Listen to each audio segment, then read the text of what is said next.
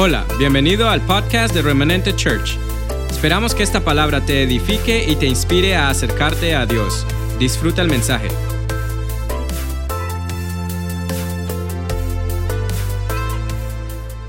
Buenos días. Qué rico verlos. Qué rico saber que tengo mucha gente de mi familia, familia de casa conectada. Dios te bendiga familia. Dios te bendiga iglesia. Ha sido un año de victorias. Amén. Ha sido un año de cosas conquistadas en la fe. En la fe. Mi familia y yo acabamos de pasar, si se puede decir, el proceso más doloroso que hemos pasado. La enseñanza de hoy yo la he titulado ¿Dónde está la cabeza? ¿Dónde está la cabeza?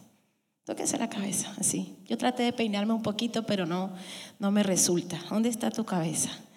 ¿Dónde está la cabeza? Así se llama la enseñanza de hoy y vamos a trabajar en eso.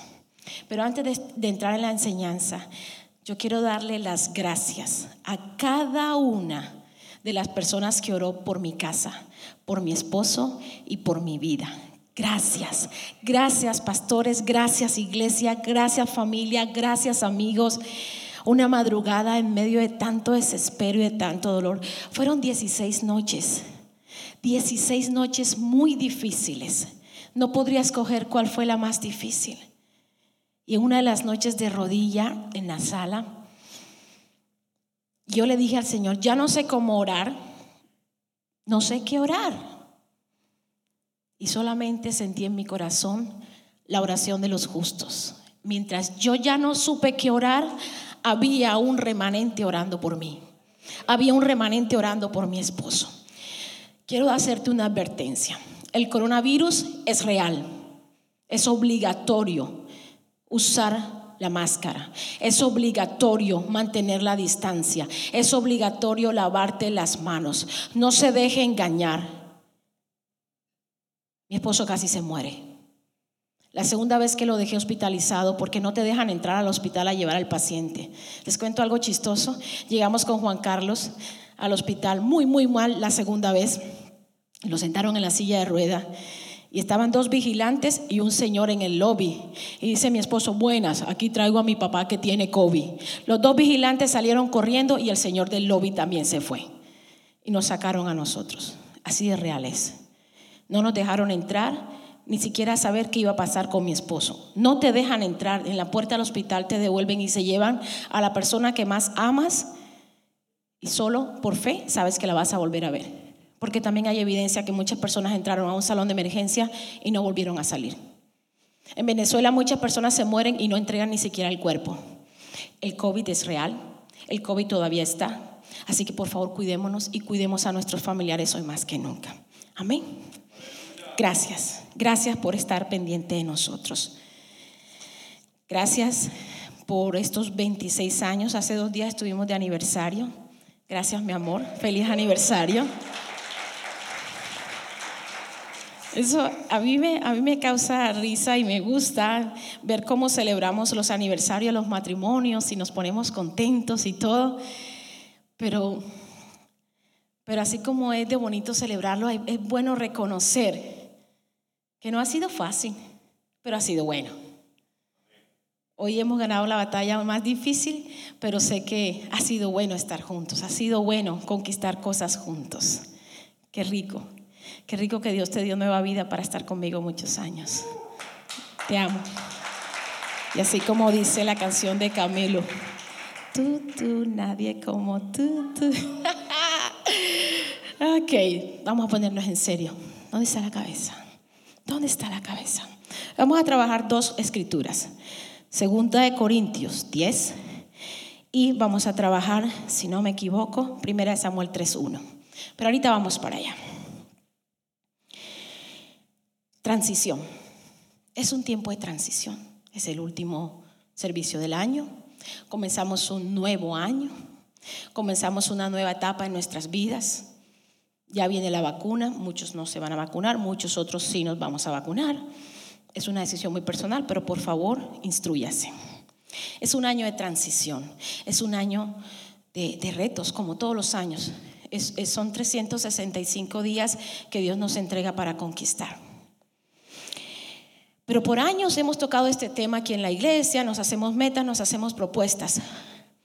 Pero casi siempre, a no ser de este 2020 que fue bien, bien extraño, hacemos muchos ciclos repetitivos todos los años y todos los diciembre hacemos metas, hacemos planes individuales como pareja, como iglesia. Pero aprendimos en el 2020 que el hombre hace planes, pero Dios tiene un camino planeado para que ande por él. Pero es bueno planear. Dios está llamando en este tiempo que soltemos nuestro pasado. Aún yo le decía a Juan Carlos, yo no quiero, y yo creo que lo voy a hacer hoy, no, lo hice hoy, no lo voy a volver a hacer más. Yo no quiero que pasen los años y se viva hablando de lo que vivimos él y yo. Somos más que las malas experiencias que hemos vivido. Somos más que las cosas que nos han dolido. Somos más que los no que nos han dicho. Yo soy vendedora innata. Si está lloviendo, yo le, yo le vendo una nube cargada de lluvia. Yo puedo vender, a mí me gusta vender, a mí me apasiona vender. Por tanto, a mí me gusta que me digan que no. Cuando a mí me dicen que no, me están diciendo, dime algo para decirte que sí y puedo hacer que, que sea que sí. Pregúntele a todas las que me compran mis joyas, mis perfumes y todas las cositas que me encantan. Me gusta que me digan que no. 2020 nos dijo que no muchas veces, pero siempre estuvimos aquí. Siempre, siempre. Las maestras de los jóvenes, gracias por haber estado junto con Raquel y todo el equipo. Gracias. Y quiero pedirle un favor a todo el que tenga hijos de 3 años a 12 años, cuando se le invite a un evento venga. Hicimos un esfuerzo grande. ¿Se acuerdan que nevó durísimo? Ese día nevando se fueron a comprar 63 regalos y solamente vinieron cuatro niños. Hagan el esfuerzo en venir. Hagan el esfuerzo en venir. Teníamos una temperatura de congelarnos allá afuera. Se nos quedaron todos los dulces, todos los chocolates, todos los perros calientes, todas las hamburguesas y se nos quedaron más de 55 regalos. Así que yo le invito a que haga el esfuerzo y si no, busque a un niño en la calle, en, Walmart, en, cualquier lugar. En mi iglesia están dando regalos. Ese es el Evangelio. Regalar lo que Dios nos ha dado. Motivar a las personas. Porque de repente dice, yo no quiero ir por un regalo porque ya yo tengo muchas cosas en mi casa. Hay gente que no tiene muchas cosas en su casa. Cuando soltamos nuestro pasado, estamos corriendo hacia lo que Dios nos ha llamado. Cuando soltamos nuestro pasado, cuando soltemos 2020, estamos listos para empezar a correr el 2021. Cada día es una, es una, es una misericordia, es una capacidad de Dios en ti y en mí depositada para conquistar lo que Dios dijo de ti. Mire, muchas personas hemos vivido años de enero a diciembre y en enero me propongo algo nuevo, de enero a diciembre, de enero a diciembre, y todo el mundo tiene la expectativa que se va a casar, que se va a ganar la lotería, que va a comprar carro, que va a viajar, que va a sacar la visa para venir a Estados Unidos, que va a bajar de peso y muchas otras cosas más. Pero todo radica en una decisión. Usted y yo podemos tomar esa, esa decisión en enero o en abril o hoy el último domingo del 2020. Podemos tomar decisiones que cambien vida, pero están basadas en soltar el pasado que traemos. Soltemos lo que nos ata para poder correr. La última vez que yo compartí con ustedes, hablamos acerca del perdón. Yo siento que estoy hablando muy rápido. Hablábamos acerca del perdón. El perdón, cuando no perdonamos, es como si estuviéramos apretados y no pudiésemos respirar. Cuando usted ha vivido un ahogo que no puede respirar y le ponen oxígeno o usted lo suelta donde lo tienen apretado, usted quiere en una sola bocanada, en un solo suspiro, agarrar todo el aire que no había podido tener en sus pulmones. Así es cuando usted suelta lo que le dolió, cuando usted suelta el, engaño, la decepción, cuando usted suelta la pereza, cuando usted suelta el temor, usted se llena de una capacidad de alcanzar cosas que usted nunca pensó que iba a alcanzar. Pero es necesario soltar el pasado. A veces hay momentos en tu vida y en mi vida que oramos y no pasa nada. A mí me pasó. Yo oraba y Juan Carlos empeoraba. Yo decía, Dios mío, yo he orado por tantos enfermos y los enfermos se me han muerto. Mejor ya no oro más. Como oro. Hay momentos que la oración, usted y yo no vemos respuesta a la oración. Iglesia, es necesario que cambiemos de estrategia. Es necesaria la oración. Pero junto con la oración es necesaria la acción. Usted y yo tenemos que ser activos y proactivos en lo que hemos creído. Juan Carlos decía algo, confiemos. Hay gente que cree, pero no confía. Hay gente que cree en este sistema, pero tiene toda la platica en efectivo debajo del colchón y un pie en su país y un pie acá. Entonces ni hacemos aquí ni hacemos allá. Confiemos. Y así, nada menos pasa en el Evangelio. Venimos a la iglesia, servimos en la iglesia, pero tengo un pie allá. Por si, si, si el pastor o la iglesia falla, yo, menos mal que yo no tenía todos los huevos puestos en esa canasta. Es necesario que seamos activos de acuerdo a lo que oramos. Muchas veces hemos orado y no pasa nada. Pero es que hemos orado emocionalmente. Hemos orado basado en nuestras emociones. En nuestras emociones, en lo que queremos, en lo que sentimos, en nuestros miedos y aún en nuestros sueños, nuestros planes. Acordémonos, usted y yo hacemos planes, pero Dios tiene un camino específico por, alguna razón el esperma de tu papá con el óvulo de tu mamá se encontraron, tal día, naciste tal día, te vas a morir tal día, pero entre que naciste y te moriste, Dios tiene un propósito para tu vida y la mía. Entonces no podemos desperdiciar año tras año, año tras año, círculo, mire iglesia, ¿por qué es que somos tan leales, tan leales a lo que no funciona? el pastor Wilmer el domingo pasado decía que una de las cosas que él, que él agradecía en nosotros, en, mi, mi esposo y yo, era nuestra lealtad. ¿Usted sabe por qué nosotros hemos sido leales a esta casa? Porque nos ha funcionado. Porque Dios habló y Dios ha cumplido. Porque aquí nos ha dolido muchas cosas, pero aquí hemos sido sanados muchas cosas.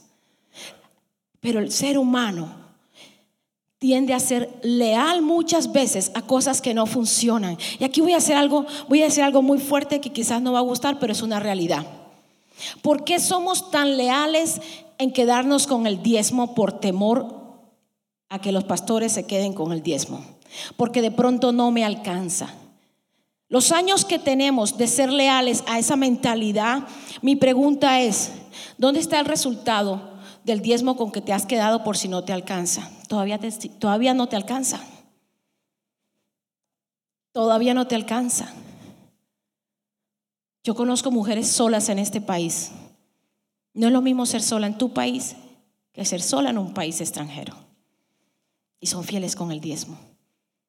Y yo soy testigo de la fidelidad de Dios en sus vidas.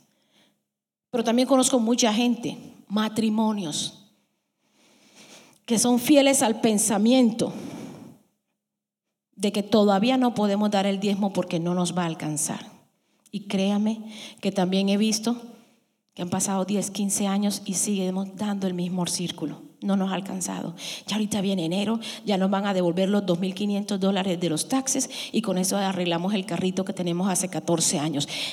Paremos de ser fieles a cosas que no dan resultado. Atrevámonos a creerle al Señor. Atrevamos. Yo no sirvo en la iglesia porque hay que todo el mundo habla, todo el mundo opina. Mire, si usted, esto va para todas las iglesias que nos están escuchando. Y no me he salido de la predica. ¿Dónde está tu cabeza? Ahí vamos para allá. Todo el que trabaja en una iglesia, en lo que sea, en lo más mínimo, aún en lo más importante. Si a usted en algún momento le dicen, no me gustó cómo lo hiciste, no está bien cómo lo está haciendo, no lo tome personal.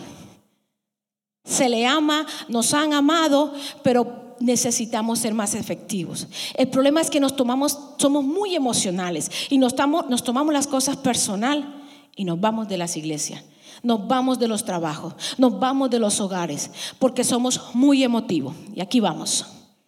Satanás no le interesa tus emociones. Satanás no le interesa lo que usted y yo sentimos. ¿Sabe qué le interesa a Satanás de ti y de mí?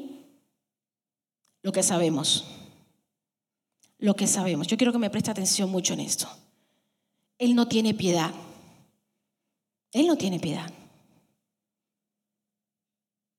Si no, busquemos cómo dejó el cuerpo de Jesucristo cuando le dieron la oportunidad de crucificarlo.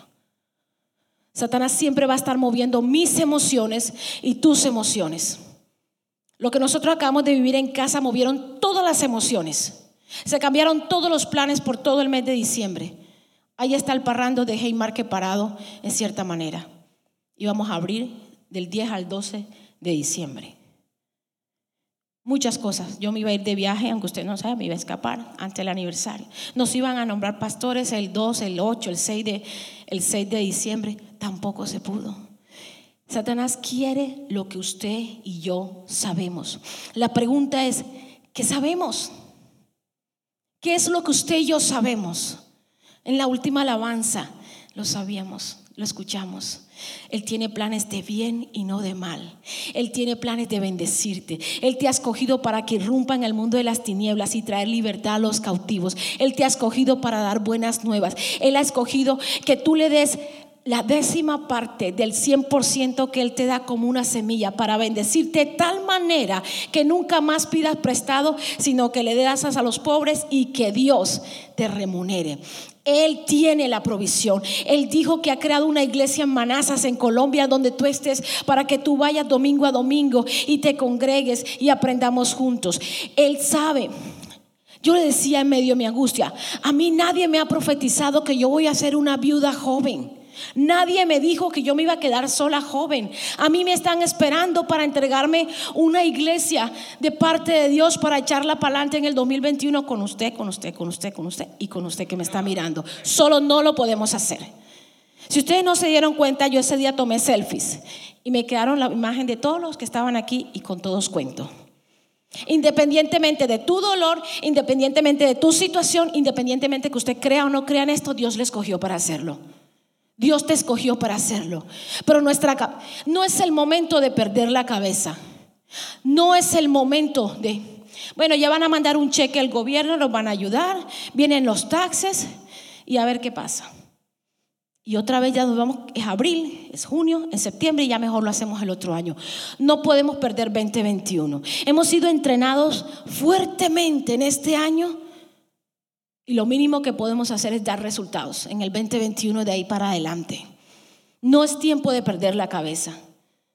Satanás quiere lo que usted y yo sabemos.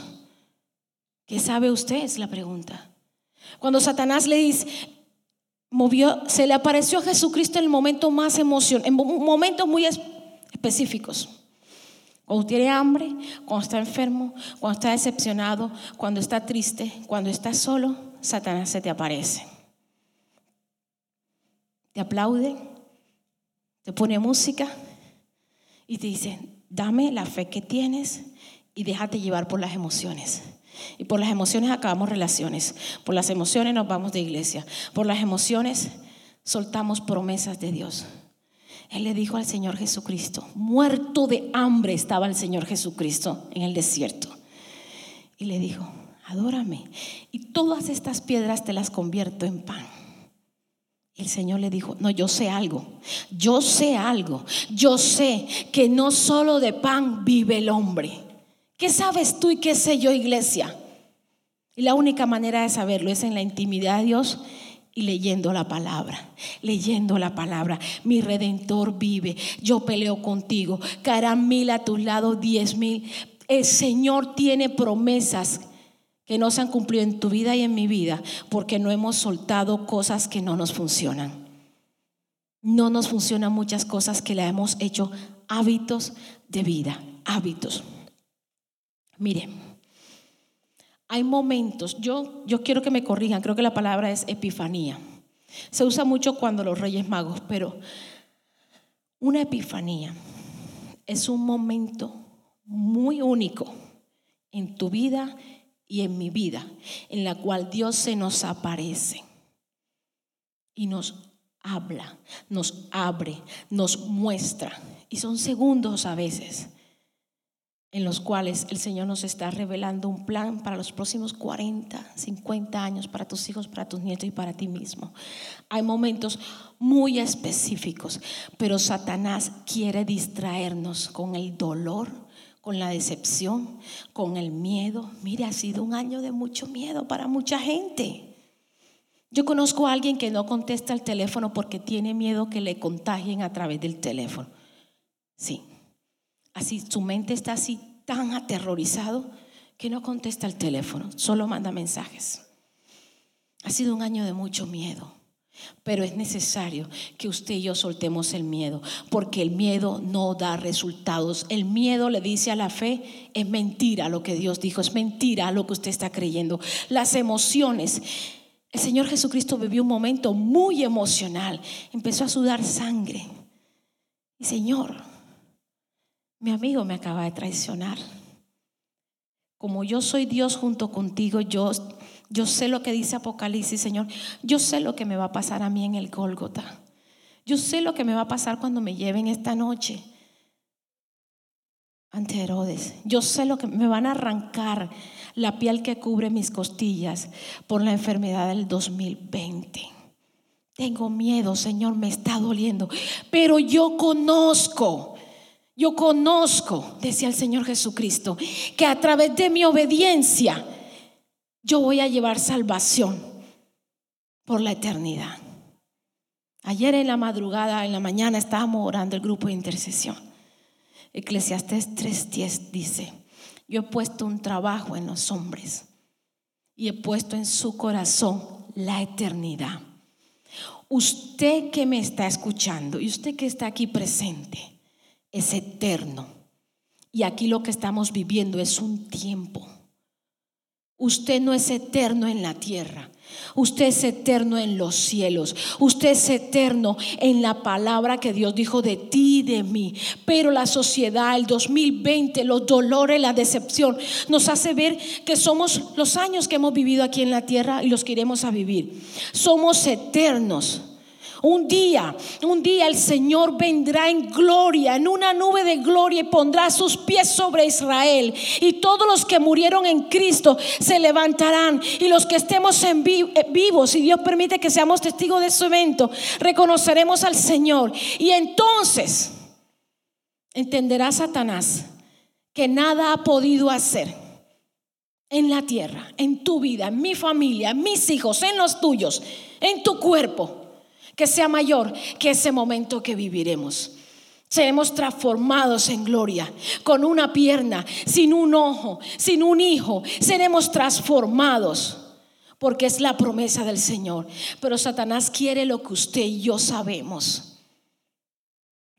Cuando hablamos de cabeza, hablamos de gobierno, hablamos de liderazgo, hablamos de guía. ¿Usted le ha arrancado la cabeza a una gallina? Yo no, no lo haría nunca. Me da mucho miedo. Pero los que le han arrancado la cabeza a una gallina, ¿cómo se comporta el cuerpo que queda andando? Corre por todos los Dice que hay que corren. A veces corren los cuerpos de la. Carolina dice que sí. Le cortan la cabeza a la gallina y sale corriendo el, cuerpo de la gallina. Y hay un derramamiento de sangre por cosa, cosa tan fea. Tanto pollo que hay en los supermercados porque matan una gallina. No, no. Pero Nada diferente pasa cuando el hombre de una casa, cuando la mujer que es mamá soltera, no tiene su cabeza bien puesta. El cuerpo anda por donde sea. Anoche nos vimos una película, Juan Carlos y yo, donde la mamá decidió que, ella se quería morir porque estaba muy enferma y que le practicaran la eutanasia. Pero en el último día se encuentran toda la familia, las dos hijas de ella, y le revelan a su mamá, es que tú, tú nunca fuiste mamá. Tú nos, enseñaste a que fuéramos fuertes y quisiéramos lo que quisiéramos.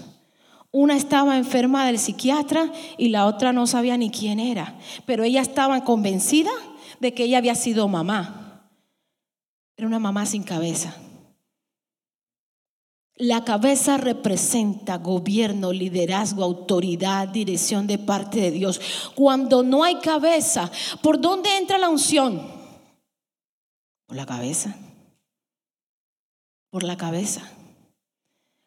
¿Usted sabe cuándo, qué pasa cuando se cae la cabeza? Entra un cabezón a la casa suya. Hombres y mujeres que son cabeza de hogar. Seamos conscientes que es necesario vivir bajo el conocimiento de Dios y no bajo nuestras emociones no bajo nuestras emociones. Las emociones causan dolor y las emociones nos mantienen viviendo en círculos.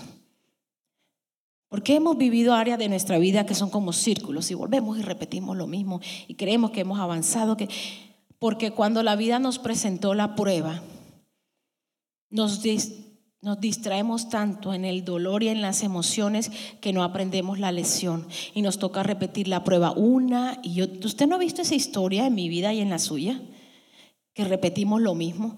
Yo pensé que ya esto yo lo había superado. Yo pensé que ya esto yo sabía. Y resulta que volvemos a repetir porque no aprendimos la lección. ¿Y por qué no aprendimos la lección? Porque lo vivimos en emociones. Somos muy emocionales. Mire, le voy a contar algo, pero no lo cuenten a nadie. Anoche Juanca y yo peleamos. No, no peleamos. Por eso cuando aplauden que tenemos 26 años de casado, usted no sabe las que hemos ganado, ¿verdad, amor? Anoche yo peleé, él y yo peleamos. Yo peleé porque para bajar al garaje de tanta basura que había de todos los regalos de los niños no se podía. Y es que usted no entiende que es abuela y usted no entiende que es la casa. Pero no me gusta que me desordenen la casa en el garaje. Hay algo que a mí me gusta tener arregladito y es el garaje.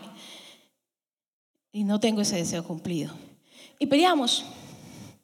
Y peleamos y yo era la que traía la enseñanza. Y él subió al cuarto a la hora que ya pensó que ya yo me había desfogonado, como decía un hermano aquí en la iglesia. Estaba enfogonada yo así. Y subió al cuarto. Y yo ni intenté. Ay, que me trajo el perro para que yo durmiera con el perro. Y, mañana yo no voy a predicar. Mire a ver y póngase a, recibir de Dios porque yo mañana no voy a predicar. Y no voy a predicar. Y no voy a predicar. Y es que yo no le creo. Ah, usted no me cree. ¿Cómo voy a predicar si usted no me cree? No voy a predicar. Y esta mañana me levanté brava. Yo no sé, yo no sé si a usted le pasa, pero a mí me pasa. Cuando yo tengo mucha molestia, lavo la losa, pero a toda velocidad y arreglo la cocina lo más rápido que puedo. ¿Quiere café? Sí. ¿Quiere galleta? Sí, tome. Y él, yo decía, y la prédica me dice, ya eso está arreglado. Ya había hablado con Juan Carlos Villa porque la oyó pastor. Y me fui a caminar con él a 20 grados, me fui a caminar con el perro. ¿Qué tal, Milo? no sé cómo él va a ser, pero tiene que predicar. Yo no voy a predicar. Las emociones estaban ganando. Y así como que yo no sé cómo le habla Dios a usted y a todos no nos habla igual. Hay gente que dice, a mí nunca Dios no me ha hablado. Eh, algo está, algo está en tus oídos. Y esa cosa que es aquí, que tú sabes que es aquí. Y me dice el Señor, cabezona, muérete. Muere a las emociones, muere a lo que estás sintiendo. Renuncia al plan de vida. Renuncia a tu plan de vida aunque usted no lo crea. A mí no me gusta estar aquí haciendo esto, pero obedezco. A mí me gusta estar sentadita ya orando por todos. Pero Dios dijo que era aquí. A mí no me gusta el frío, no me sé ni peinar el cabello mío, no le gusta el frío, no puedo respirar bien por el frío, me gusta el calor, pero Dios dijo que era aquí. A eso hablaba el Señor a que me muriera, no que me muriera, tengo mucho por hacer todavía. No que me, pero sí que muera a mis deseos, a mis pasiones, a mi plan, porque la voluntad buena de él es agradable y perfecta. Y entonces yo entré con el perro y me dice, hace frío sí está frío. Y me subí y organicé este papelito, porque yo no iba a predicar, y organicé rápido el papelito con las ideas. Y subí a bañarme. Y yo no escuchaba a Juan a las 10 menos 10 de la mañana. Se había quedado dormido en el sofá. Y yo le dije, no vamos para la iglesia. Me dijo, sí, ya voy. Y le dije, bueno, yo voy a predicar. Yo voy a predicar por obediencia, porque todavía tenemos que arreglar cosas que dijimos anoche. Yo lo amo, él me ama, pero tenemos emociones. Tenemos emociones, tenemos emociones. Así que si usted peleó con su esposa, con su esposo, con su hijo, con su madrastra, con quien sea, arregle las cosas. Porque Satanás si hay algo que quiere, es lo que usted y yo sabemos. Y usted y yo sabemos que tenemos que perdonar. Usted y yo sabemos que tenemos que obedecer. Usted y yo sabemos que tenemos que darle a Dios lo que le pertenece a Dios. Usted y yo sabemos que tenemos que servir a la iglesia. Usted y yo sabemos que, mire, de la ciudad donde yo soy, cuando alguien tiene un amante, le dicen, tiene un arroz en bajito. O sea, un arroz con la candela bien despacito. Usted mira y no se ve que está el arroz prendido, pero el arroz se está quemando, se está cocinando. Apague el fogón que tiene en bajito. Suéltelo, suelte lo que no le agrada a Dios. Suelte el tinieblo. Hoy estoy bien soledeña. Suelte lo que a Dios no le agrada. Viva por lo que dijo Dios y no por lo que usted siente. Porque si yo vivo por lo que estoy sintiendo, yo estuviera viendo en mi casa a Juan Carlos Villa predicar y tuviera el corazón a mil por haber desobedecido a Dios. No podemos vivir por lo que sentimos. Senia anoche me mandó unas fotos de, una, de una actividad que hicimos aquí, una obra de teatro. Yo me llamaba Soledad en la obra de teatro y era la hermanita toda así tímida, religiosa, de esas que por alguna razón hay algunas iglesias que todavía son así. Y cuando yo me bajé de haber hecho la obra, de teatro, alguien me agarró del brazo y me dijo, estoy muy ofendida por lo que usted ha hecho. Eso no está correcto. Hay muchas personas que son santas, salvas y le sirven al Señor, aún así como usted se estaba burlando. Yo me fui para el carro a llorar. Y yo no vuelvo más a remanente. Yo no vuelvo más a remanente. Y yo he tenido cualquier cantidad de motivos para no volver más a remanente. Mire, el sábado yo me monté en el carro muy molesta muy ofendida y con mucha pena con Raquel y todo su equipo. Hacía demasiado frío hacía y habíamos preparado muchas cosas y no vinieron. Muchas veces la iglesia te va a decepcionar. ¿Acaso con tu esposo no te decepcionas? ¿Con tus hijos no te decepcionas? ¿Con el pastor? ¿Con el jefe? Pero si vivimos por las emociones, no vamos a lograr nada. No vamos a lograrlo. Llegó Navidad, los acaban de nombrar de pastores y no llamaron.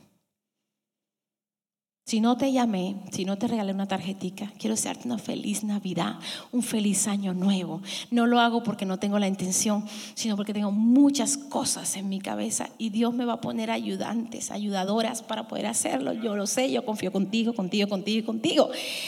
Mire, la cabeza está llena de emociones. Vamos a leer, no hemos leído, vamos a leer para yo sustentar esto que le estoy diciendo. Nos vamos para 2 Corintios 10, 3. Yo leo, para ustedes y ustedes buscan su casa y, y aquí con calmita. 2 Corintios 10, 3 dice, pues aunque andamos en la carne, así yo iba esta mañana caminando con Milo, en la carne. No militamos según la carne, porque las armas de nuestra milicia no son carnales, sino poderosas en Dios para la destrucción de fortaleza y derribando argumentos, lo que siento, lo que sueño, lo que creo, lo que me imagino, lo que me recuerdo y toda altivez que se levanta contra el conocimiento de Dios y llevando cautivo todo pensamiento para obedecer a Cristo. ¿Qué estás pensando? ¿Qué estoy pensando? ¿Qué estás pensando, iglesia? ¿Qué pasa por tu cabeza? Carlitos Leighton, feliz Navidad. Quiero mandar un mensaje a tu esposa, a tu familia. Y quiero pedirle perdón porque nunca te hemos puesto en las fotos de la iglesia y ella quiere verte en las fotos de la iglesia. Familia de Carlitos Leighton, le amamos y aquí le esperamos con los brazos abiertos. Amén, iglesia. Carlito es un hombre fiel, fiel a nuestra congregación. Carlito cuando hacemos las fiestas de verano nos lleva unas empanadas colombianas tremendas. ¿Cierto, Carlito? Dios te bendiga. ¿Qué estamos pensando? ¿Qué te decepcionaron? que te fallaron, que te engañaron, que te pusieron a trabajar y te pagaron menos, que te robaron, que tu hijo te avergonzó, que el pastor Wilmer se fue otra vez para Colombia. Pastor, te amamos a ti y a tu familia. Deseamos lo mejor en los años venideros para ti y los tuyos. 2021 es un año de muchas promesas que se van a cumplir en tu casa y en tus generaciones, Apóstol Wilmer. ¿Qué estamos pensando? La verdad de Dios. ¿Qué tal si la iglesia de Jesucristo? ¿Qué tal si los hogares? ¿Qué tal si los inversionistas? ¿Qué tal si los dueños de negocio? ¿Qué tal si los empleados? ¿Qué tal si el que sirve empieza a pensar lo de Dios y no nuestras emociones? Veremos el cambio que siempre hemos anhelado. Veremos el cambio que es necesario para disfrutar esto que se llama vida cristiana. Tenemos que pelear con los argumentos que se levantan en contra de la verdad de Jesucristo. Él tenía muchos argumentos. Lo decepcionó Judas. Pedro era un arrebatado, le cortó la oreja cuando él le había dicho, por favor, oren por mí. Mucha gente le decepcionó, lo persiguió el sistema. Hay gente que es perseguida por el sistema. Jesucristo nos, dio evidencia que aunque IRS, el sistema de, impuestos de este país, que aunque las creencias políticas, lo que sea, sea en contra de ti, cuando tú te paras en lo que Dios dijo, en Él somos más que vencedores. Dios te da ideas, Dios te da estrategia, Dios te da forma de hacerlo. El sistema puede decir que no tienes derecho a vivir en este país por un documento, pero mi palabra dice que Él creó todas las cosas, incluido Estados Unidos incluido el sistema de gobierno de este país. Los no que te ha dicho la vida son la oportunidad para que Dios te diga, sí, yo soy tu padre, yo abro puertas que nadie puede cerrar. Hay una alabanza preciosa que dice, abriste el mar para que yo pasara. El Señor va a abrir el mar para muchas personas y yo voy a ser testigo de eso. Yo voy a ser testigo de eso junto con usted. Dios va a abrir el mar para que muchos pasen. Yo soy una creyente, creyente, que el Señor en una noche puede tocar el corazón del gobernante, del presidente de este país y crear una resolución donde diga que las puertas se abren y la vida emigratoria de muchos cambie. Yo lo creo. La hermana lo cree, entonces ya somos dos. Y si dos se ponen, tres, cuatro, cinco, seis se ponen de acuerdo en algo que creyeren y no duden en su corazón, mi Señor que está en los cielos lo hará. Yo lo creo, yo lo creo. Cuando Juan Carlos tenía 104 de fiebre, 4 o 5 horas y vomitaba una y otra y otra. Mire, yo decía, yo no puedo estar donde alguien vomite porque me enfermo. No puedo atender a un enfermo. Y acabo de entender que yo creía que yo era fuerte. Ahora yo sé que soy fuerte. Yo sé que mi redentor vive. Yo sé que pude hacerlo. Yo sé, por lo que yo sabía aquí, me metí a ese cuarto donde todo el mundo me decía, usted no puede entrar porque se va a enfermar. Pero es que mi marido no puede ni levantar la cabeza en el vómito. Yo tengo que entrar. Por lo que yo tengo aquí, entré a ese cuarto y estuve con él. Me bañaba cinco o seis veces. Pasaba todo el tiempo con los, con los pelos de punta, de miedo, de asco, de dolor, de todo revuelto. Pero yo sabía que mi redentor vive. Yo sabía que él se tenía que levantar. Y entonces él decía, no te duermas porque me da miedo. Y yo me sentaba en una sillita y él en la cama. 104 de fiebre, 80 el oxígeno, y vomite, y desmayese, y vomite, y desmayese. Yo decía, ¿esto cuándo va a parar? Y yo me paraba en la ventana a ver, en una de las ventanas de mi cuarto se ve el horizonte. Como a las seis de la mañana empezaba a ponerse el cielo naranja. Y yo le decía a él, un nuevo día, es una nueva misericordia. Lo vamos a hacer. Es una nueva misericordia. Mi Dios dijo, mi Dios cumple. Mi Dios te dijo, Dios cumple. No hay otra forma.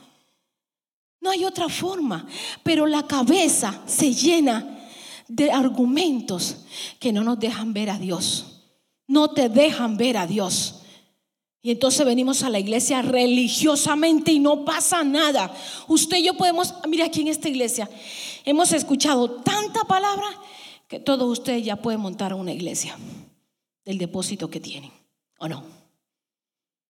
Todos ya podemos, una broma. Estábamos mi suegra, mi esposo y yo.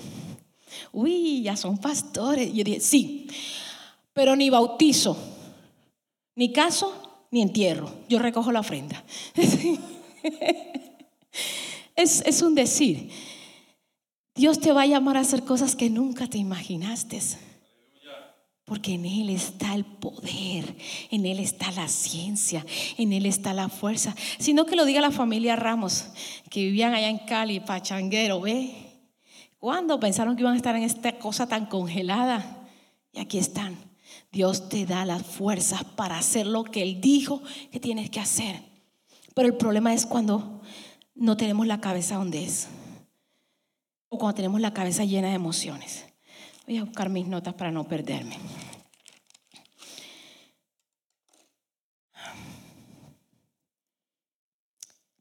Hemos vivido nuestra vida con el corazón, con las emociones. Una vez salí con, un grupo de mujeres solteras de aquí, remanente, y yo les dije, la primera vez uno se casa con el corazón. Uy, uno está enamorado y va a casar para toda la vida y voy a vivir en un cuartico los dos solitos. En un cuartico los dos solitos, nazca el niño o la niña para que vea. Pero la segunda vez, si usted es divorciado, se casa con la cabeza. Es necesario poner la cabeza en el futuro que usted está decidiendo. Aunque sea la primera vez, póngale la cabeza a la relación que está viviendo. No podemos ser tan sentimentales. Necesitamos ser lógicos. Usted sabe cuando la cosa no es por ahí, pero usted está enamorado. Usted sabe cuando no le agrada a Dios, pero usted está enamorado. Y te está diciendo Dios, Dios habla, Dios, mire, Dios habla. Esta mañana el Señor me dijo, muérase la rabia que trae y vaya a predicar. No sabía ni qué me iba a poner porque ya yo no iba a predicar. Dios nos habla. Si usted está en una relación que usted sabe, que sabe, que sabe que eso no va para ningún lado, joven, jovencita, adulto que me escucha, y usted sabe que eso no va para ningún lado, que son lo que usted está sintiendo en el cuerpo, que usted está imaginándose cosas, que usted se siente bien, que usted se siente bonito, pero tiene propósito, está de acuerdo con lo de Dios o es un argumento en contra de lo que Dios tiene para ti.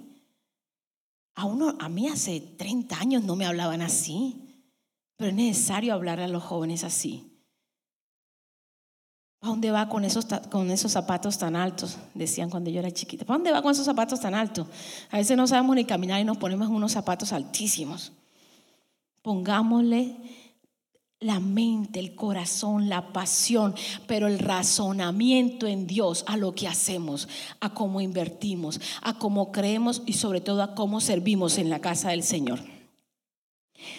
Yo no sé usted, pero uno se conoce en esta vida yo la llamo personas abstractas. Hoy no, mañana. No, no, pasado. Y llega uno pasado, mire, para que venga a trabajar en el Señor o comience a trabajar con nosotros, o hagamos un negocio, o cambiemos esto. No, mañana yo lo voy a pensar. Yo no sé si usted conoce gente así, yo conozco gente así. Con esas personas así, hay que soltárselas al Señor, porque te detienen te detienen. Esos mañaneros y mañana. Usted, usted, yo no sé en su país, pero en mi país había un aviso en las tiendas, en las colmenas, en los almacencitos. Hoy no fío, mañana sí. Entonces uno iba mañana y olvidé, hoy no fío, mañana sí. Hay gente así. Ay, no, no, mire, en la iglesia para hacer esto, no, no, yo lo voy a pensar mañana vamos a hacer este negocio. no, esas personas hay que dejárselas a Dios y muévanse. Porque si usted no se da cuenta, se pasan 10 años, hoy no, mañana sí. Y 10 años es mucho tiempo de tu vida aquí en la tierra. No nos gastemos la vida en estas situaciones. Una vez más, el diablo no le interesa lo que usted siente, él le interesa lo que usted sabe. Por eso él va a usar las áreas vulnerables de tu vida y de mi vida. ¿Cuál es un área vulnerable? Ese tema mío que yo quiero que mi casa esté arregladita. Con tres nietos, con un restaurante metido en el garaje de bodega, con, con un marido que le gusta hacer asados a toda. Eso no va a pasar. No va a pasar ese orden de esa casa estilo museo que yo sueño. No va a pasar. Pero esa es una área muy vulnerable de mi vida. Una cuchara sucia de pronto a usted no le importa, a mí sí, pero yo no vivo sola y no quiero vivir sola. Usted se imagina a mis tres nietos de 5, 6, 7 años, bicicletas, patines, balones, toallas, muñecas. No, pero es, es renunciar a lo que yo sueño en cosas que no, si no pasan, no. Yo sé que Juan Carlos eso porque está diciendo, pues deja que llegue a la casa y empiece a traer con el chiqui, chiqui, chiqui, chiqui. Pero yo voy a trabajar en eso las voces de la niñez. Las voces de la niñez. Nos pasaron cosas muy lindas en la niñez, pero también nos pasaron cosas muy feas en la niñez. Y entonces Satanás dice, espérate, yo le saco la tarjetica de lo feito que le pasó o de lo doloroso que le pasó. Y entonces usted va a toda velocidad en lo que Dios dijo, en lo y Satanás te dice, pero tú te acuerdas que te abandonaron. Oh my God, sí, me abandonaron. ¿Yo qué hice para que me abandonaran? ¿Yo qué hice para que me abusaran? Yo no celebro Navidad porque me abusaron. Yo no, yo no, yo no, y yo no dejo salir a mis hijos porque de pronto me les pasa lo mismo. Y yo no, y el enemigo así, chiqui, chiqui, chiqui, acuérdate, el primer noviecito que te dijo esto y esto y esto y terminó haciendo esto y esto y esto y esto. Acuérdate ese jefe que tuviste que te pagaba 7 la hora y te dijo que te iba a pagar 14 y se pagaron 14 años y nunca te subió el sueldo. Y entonces yo no voy a crear una empresa porque todo el mundo es así. Y, empieza las voces de la niñez. Es un instrumento de Satanás. Callemos las voces de la niñez. Ya pasó. Si usted tiene cosas que necesita sanar en su niñez, háblela, oramos, renuncie, muévase y si se acuerda para que ayude a otro en lo que pasó. Es un instrumento de Satanás los dolores de la niñez en nuestra vida adulta. Lo es.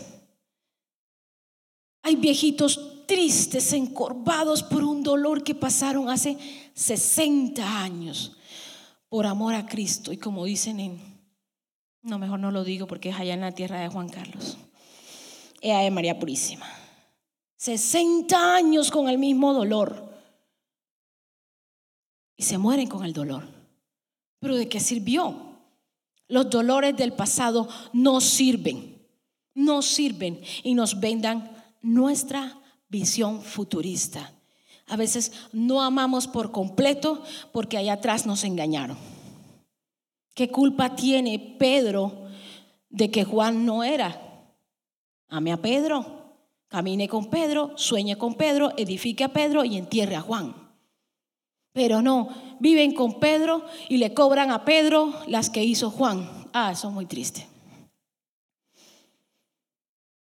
Todo es nuevo, cada mañana es nueva, no hay un amanecer idéntico. Haga la prueba, haga la prueba. Esta, la última semana de este año o un atardecer, busque una ventana y parece ver. No hay un amanecer idéntico, así que cada día es nueva su misericordia para lograr sueños.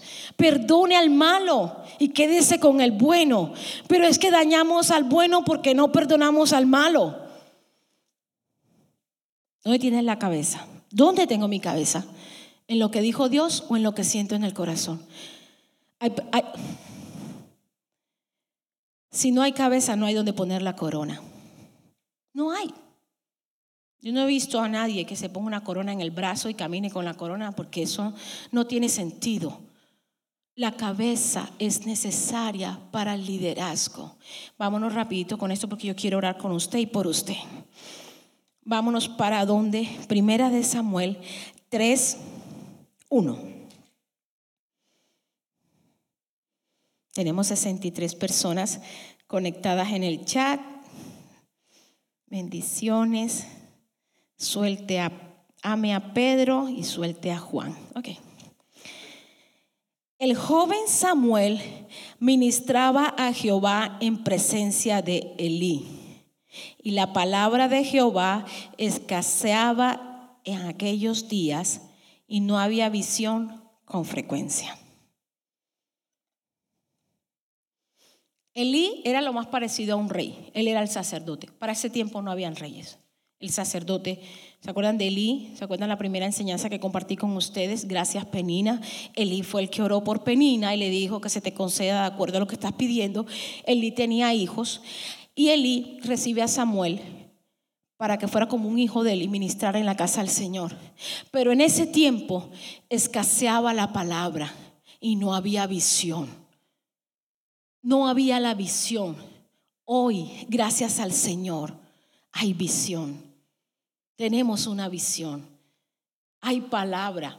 Esto que está pasando en este momento es Dios hablándonos. Hay una palabra, hay un derrotero, hay un, hay un informe de parte del cielo. De si, quizás no todo lo que se diga aquí tiene que ver contigo, pero algo de lo que se dice sí tiene que ver contigo. Para tu depósito, para que después lo puedas usar escaseaba la palabra y escaseaba la visión. Y el Señor le habla a Samuel y le dice todas las cosas que va a pasar, todo lo que va a pasar. Y si leemos en el 4, cuando sucede lo que Dios dijo que iba a pasar, que los filisteos atacaron, que se llevaron el arca, que caminaron, e hicieron un desastre porque no había visión y el conocimiento escaseaba, ¿qué pasó? En medio de tanto dolor y de tanto drama, Elí se cae de espalda y se, ¿cómo se dice? Se desnuca. Literalmente usted se desnuca es como si a usted se le cayera la cabeza. Cuando se cae la cabeza, cuando se muere la cabeza, cuando se muere el líder de un lugar o cuando quien está llamado a ser la cabeza y no le da la gana por vivir en las emociones, comienza un cambio de gobierno. Ojo con esto, si usted no está siendo la cabeza, el líder, el, el, que está recibiendo de Dios, el que está manejando más la razón que la emoción, es muy posible que esté empezando a entrar en tu casa y en mi casa un cambio de gobierno. Se cayó Elí, se nucó, se murió. ¿Cuál fue la razón de esta desgracia sobre el pueblo? Porque Elí no tuvo la capacidad de ver el pecado a través de las emociones que los hijos de Elí traían al altar. Correteaban a las niñas y hacían con, con la vida sexual como les daba la gana. Los apetitos de la carne nos evitan, nos evitan ver la gloria de Dios. Y no, no, solamente los apetitos de la carne tienen que ver con el sexo, los apetitos de la carne tienen que ver con la murmuración, con la pereza. ¿Cuántas horas pasamos acostados en una cama viendo televisión? Cuando hay gente que está sola, mire, yo me acordaba tanto del hermano Noé las noches que Juan Carlos estuvo tan grave. Yo decía, ¿cómo lo hizo Noé solo? ¿Cómo lo pudo haber? Porque él estuvo muy mal. Y decía, ¿cómo pudo Noé vivir esto solo en una casa? ¿Cómo? Y muchos quizás estábamos viendo Netflix mientras Noé peleaba por su vida. Una madrugada Juanca le dijo al Señor, ¿sabe qué Señor? Ya yo no puedo más. No, pues él se desmayaba y se levantaba y decía, Dios mío, yo ya no puedo más, me estoy muriendo. Y el Señor le dijo a Juan Carlos, está bien, está bien, yo lo hago por ti. Cuando Juanca se dio cuenta de haber estado vomitando en el inodoro, estaba acostado en la cama y arropado. Si ya no puedes más, dile al Señor, yo no puedo más. Aunque sean los ángeles del Señor, enviará a Dios para sostenerte. Pero no es posible que nos llegue a pasar a nosotros lo que le pasó a Elí. Elí contemplaba el pecado en la casa porque vivía... Son mis niños. Son mis niños. Va a ser, nada más tengo dos, son mis niños. Y entró el pecado. Y con el pecado la desgracia. Y se nunca Eli. Y pasó un, un cambio de gobierno. Dios siempre va a ser como él dijo que él iba a ser. Entonces levantó a Samuel. Y después de que levantó a Samuel, levantó a Saúl. Y Saúl se puso arrogante. Y dijo, Saúl no va para ningún lado. Y se levantó David el renuevo donde nació Jesucristo. Y se levantó Jesucristo y murió por ti. Hace, hace unos días celebramos en el calendario, si usted lo celebra en diciembre, si usted celebra la fiesta judía, como usted quiera, pero lo que celebramos el 24 de diciembre es que Cristo vino a la tierra en forma de un bebé, nació y dijo, yo vengo a obedecer al Señor y los reyes magos vieron la luz de la epifanía, que esa epifanía se manifieste en ti y en mí, que el Señor te corre el velo, te deje ver las promesas que él había dicho, que en Belén iba a nacer y en Belén nació, muchísimos, cientos de años antes, Dios dijo que Belén iba, iba a nacer ser el, el Salvador del mundo. Miles de años antes Dios dijo que Él te rodeaba, que Él te protegía, que Él te daba la provisión y que Él te iba a cuidar. Muchas de las cosas que usted y yo estamos viviendo hoy en día no tuvo nada que ver Dios. Usted y yo tomamos decisiones, comportamientos, actitudes que nos tienen parado donde estamos, buenas o malas. Mas, sin embargo, su misericordia nos ha rodeado y aquí estamos, en las puertas de un nuevo año, en medio de una, mire, somos sobrevivientes de una pandemia. Sobrevivientes de... Juan Carlos decía, es como un demonio dentro de mí que se queda dormido un ratico y de repente me muerde por dentro, me da una fiebre y no sé qué más va a pasar. Era real. Y usted y yo somos sobrevivientes de esto. Sobrevivientes. Iglesia, Dios ha sido bueno que tu cabeza y mi cabeza estén puestas en sus promesas, estén puestas en su promesa, en su palabra y no en lo que sentimos. Porque no es por vista, sino por fe. Ponte de pie, yo quiero orar por ti. Gracias Dios. Gracias Dios. Padre, en esta hora, Dios, declaramos, Señor amado, que tu palabra es implantada en nuestro razonamiento, en nuestra cabeza. Declaramos en el nombre de Jesús que sujetamos nuestras emociones, que entramos a este nuevo año 2021 conscientes de tus promesas, reconociendo que las emociones se quedarán aquí en la tierra el día que partamos contigo. Pero tú eres soberano y vendrás nuevamente por tu iglesia, por el cuerpo de Cristo, por aquellos que le hemos predicado y seremos eternos en tu presencia. Lo que ha de ser ya fue. Lo que va a pasar ya fue. La tierra volverá a ser lo que Dios hizo en Génesis de ella. Todo tendrá un sentido, todo tendrá un orden y el hombre tendrá una comunicación y una relación perfecta y perpetua con el Señor. Y para eso hemos sido escogidos usted y yo en este tiempo, para decirle a la gente, Cristo viene por su iglesia, Cristo viene y es necesario que implantes la salvación en tu corazón para que seas salvo mientras estás vivo y para que seas salvo cuando te mueras. Repite conmigo, Señor Jesús, yo te recibo en este día como mi Salvador. Yo te pido perdón por todos mis pecados. Yo te pido que escribas mi nombre en el libro de la eternidad y que mientras tenga vida aquí en la tierra pueda adorarte y servirte. Amén. Iglesia, deseamos un año de bendición un año de verdades en Cristo. Yo declaro en el nombre de Jesús, con la autoridad de la bendita palabra, que tus obras no caen en lugar sin propósito. Tus obras en Dios reciben recompensa del cielo. Yo declaro que tus hijos, tus hijas, tu casa, tus sobrinos verán la gloria de Dios en su vida. Y declaramos que el pecado no se apesora de nuestra cabeza, que viviremos en las verdades de Jesús. Amén. Esperamos que este mensaje haya sido de bendición. No te olvides de suscribirte a nuestro podcast y seguirnos en Facebook e Instagram arroba remanente church.